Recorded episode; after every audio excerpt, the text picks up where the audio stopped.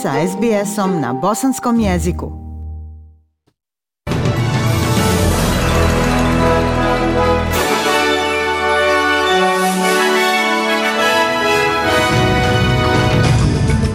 Na samitu u Singapuru Australija naglašava svoju namjeru da obnovi svoje globalne odnose. Ukrajina vraća teritoriju na jugoistoku i zalaže se za članstvo u Europskoj uniji i u biciklizmu Grace Brown propustila pobjedu za samo jednu sekundu na takmičenju u Britaniji. Slušate vijesti SBS radija na Bosanskom. Ministar odbrane Richard Miles je na sigurnosnom samitu u Singapuru ponovio poruku Australije da namjerava obnoviti diplomatske odnose. S obzirom da Kina treba govoriti na današnjoj plenarnoj sjednici Shangri-La dijaloga o svojoj viziji regionalnog poretka, gospodin Mals je priznao rastući utjecaj nacije na Pacifiku i da je Kina najveći trgovinski partner Australije. On je rekao da grupisanje Kine ne vodi nikuda i da je njen ekonomski uspjeh povezan s uspjehom Australije, ali ministar odbrane je također iskoristio priliku da podvuče posvećenost Australije regionu. Under Prime Minister Anthony Albanese, pod vođstvom premijera Anthony Albanizija, Australija će zauzeti naše mjesto u svijetu sa samopouzdanjem i mi ćemo unijeti novu energiju u naše odnose sa starim prijateljima. Australija će krenuti u novu eru angažmana na Pacifiku. Zaista mi ga već imamo. Ukrajina kaže da je ponovno preuzela teritoriju u svom jugoistočnom regionu dok predsjednik Zelenski nastavlja insistirati na svom zahtjevu za članstvo u Europskoj uniji. Zelenski kaže da je Ukrajina ponovo zauzela sela i gradove u jugoistočnim regijama Herson i Zaporožnja koje su uglavnom pod kontrolom ruskih snaga. On je dodao da ostaje nada zahtjevu Ukrajine za pridruživanje Europskoj uniji nakon sastavljanja sastanka s predsjednicom Europske unije Ursulom von der Leyen u Kijevu. Istakao je da europski projekat svakako, navodimo, ne može biti potpun bez nas. Gospođa von der Leyen kaže da će odgovor Europske unije uskoro biti spreman. Kao što znate, komisija trenutno priprema preporuke, takozvana mišljenja za zemlje članice Europske unije. Radili smo dan i noć na ovoj procjeni i obećala sam vam u aprilu, dragi Zelenski, da ćemo neumorno raditi na tome. Dakle, današnje rasprave će nam omogućiti da finaliziramo našu procjenu do kraja sljedeće sedmice. Stotine demonstranata izašle su na autoput Basra Bagdad u Iraku, rekavši da su bijesni na vladu jer ih je prevarila za ugovore o radu. Demonstranti su spriječili kamione, zvaničnike i zaposlenike naftnih kompanija da uđu u grad blokiranjem autoputa zapaljenim gumama. To je navelo vlasti da u to područje pošalju policiju. Ovaj demonstrant kaže da protestuje jer su većina njih nekada bili nadničari kojima je vlada obećala, a zatim im oduzela puno radno vrijeme.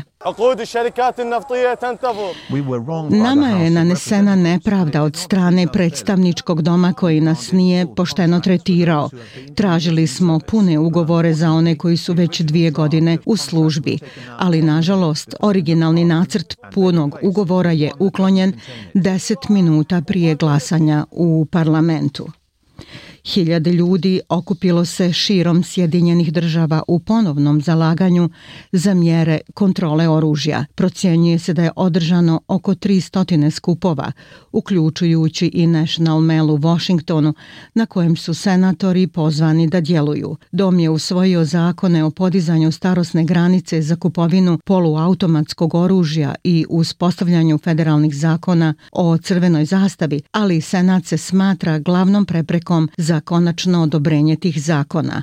Jedan od demonstranata koji je preživio oružano nasilje, Trevon Bosley, rekao je na skupu u Washingtonu da su oni na Hillu ignorisali žrtve pucnjave.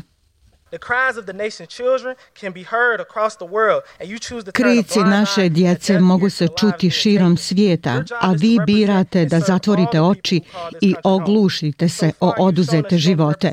Vaš posao je da predstavljate i služite svim ljudima koji ovu zemlju nazivaju domom, a do sada ste nam pokazali da predstavljate samo džepove onoga ko donira najviše za vašu kampanju. Bill Shorten kaže da NDIS, nacionalna šema invalidskog osiguranja, više nije prepoznatljiva kao šema čije je osmišljavanje pomogao kada su laburisti posljednji put bili u vladi. Postoji 518.000 Australaca sa NDIS planovima i hiljade zaposlenih u srodnim službama za osobe sa invaliditetom, ali Shorten kaže da je to postala birokratska noćna mora. Mnogi učesnici zabrinuti su da će njihovi planovi biti nepravedno skraćeni i da se novac troši na advokate koji se bore protiv ljudi koji pokušavaju dobiti pristup programu. On je za ABC-ev program Insiders rekao da su sindikati organizovanog kriminala također ciljali na NDIS.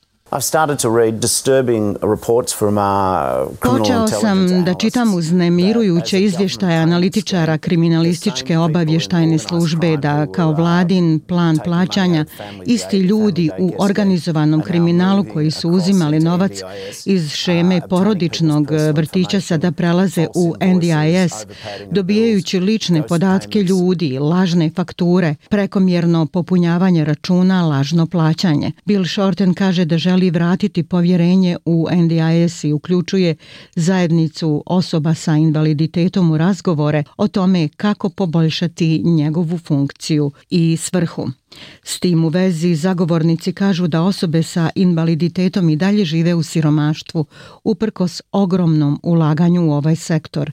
Na konferenciji o zapošljavanju osoba sa invaliditetom u Australiji advokatica El Gibbs je rekla da iako su milioni dolara u uliveni u ekonomiju osoba sa invaliditetom, više od polovine njih još uvijek živi ispod granice siromaštva. Ona kaže da je jaz u zapošljavanju i dalje uporno visok.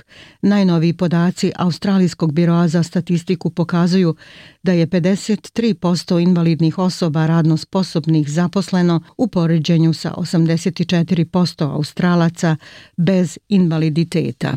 Povratak porodice Nade Saligam u Bilo Elu završit će se danas petim rođendanom kćerke Tarnike. To će biti prvi rođendan djevojčice u njenom domu u Queenslandu nakon što je sa ostatkom porodice protekle četiri godine provela u imigracionom pritvoru. Povratak porodice u Queensland označava kraj četvorogodišnje kampanje pokrenute nakon što je Morrisonova vlada pokušala da ih deportuje na Šrilanku u martu 2018. Prija i Nades su doputovali odvojeno čamcem u Australiju kao tamilski tražioci azila koji su pobjegli od građanskog rata u Šilanki prije nego što su se upoznali i dobili svoje dvije djevojčice.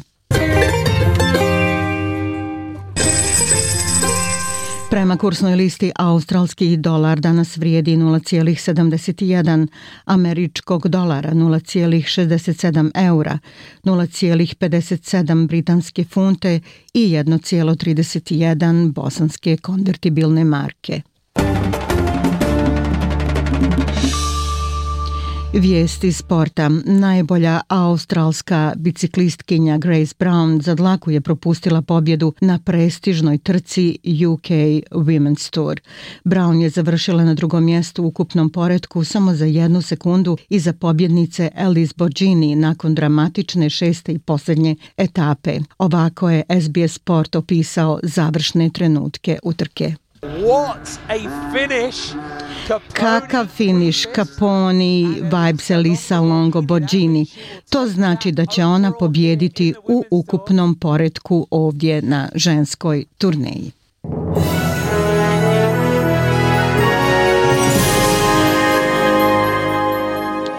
I za kraj vijesti poslušajte temperaturne vrijednosti za veće gradove u Australiji. U Pertu kišovito 20 stepeni, u Adelaidu oblačno 15, Melbourneu pljuskovi 13, u Hobartu 9, u Kamberi djelimično oblačno 12, u Sidneju uglavnom sunčano 17 stepeni, u Brisbaneu također sunčano 19 i u Darwinu sunčano 31.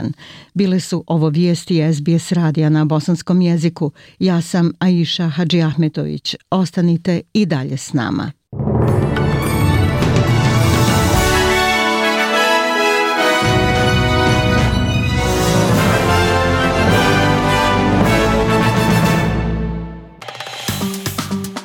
Like, share, comment.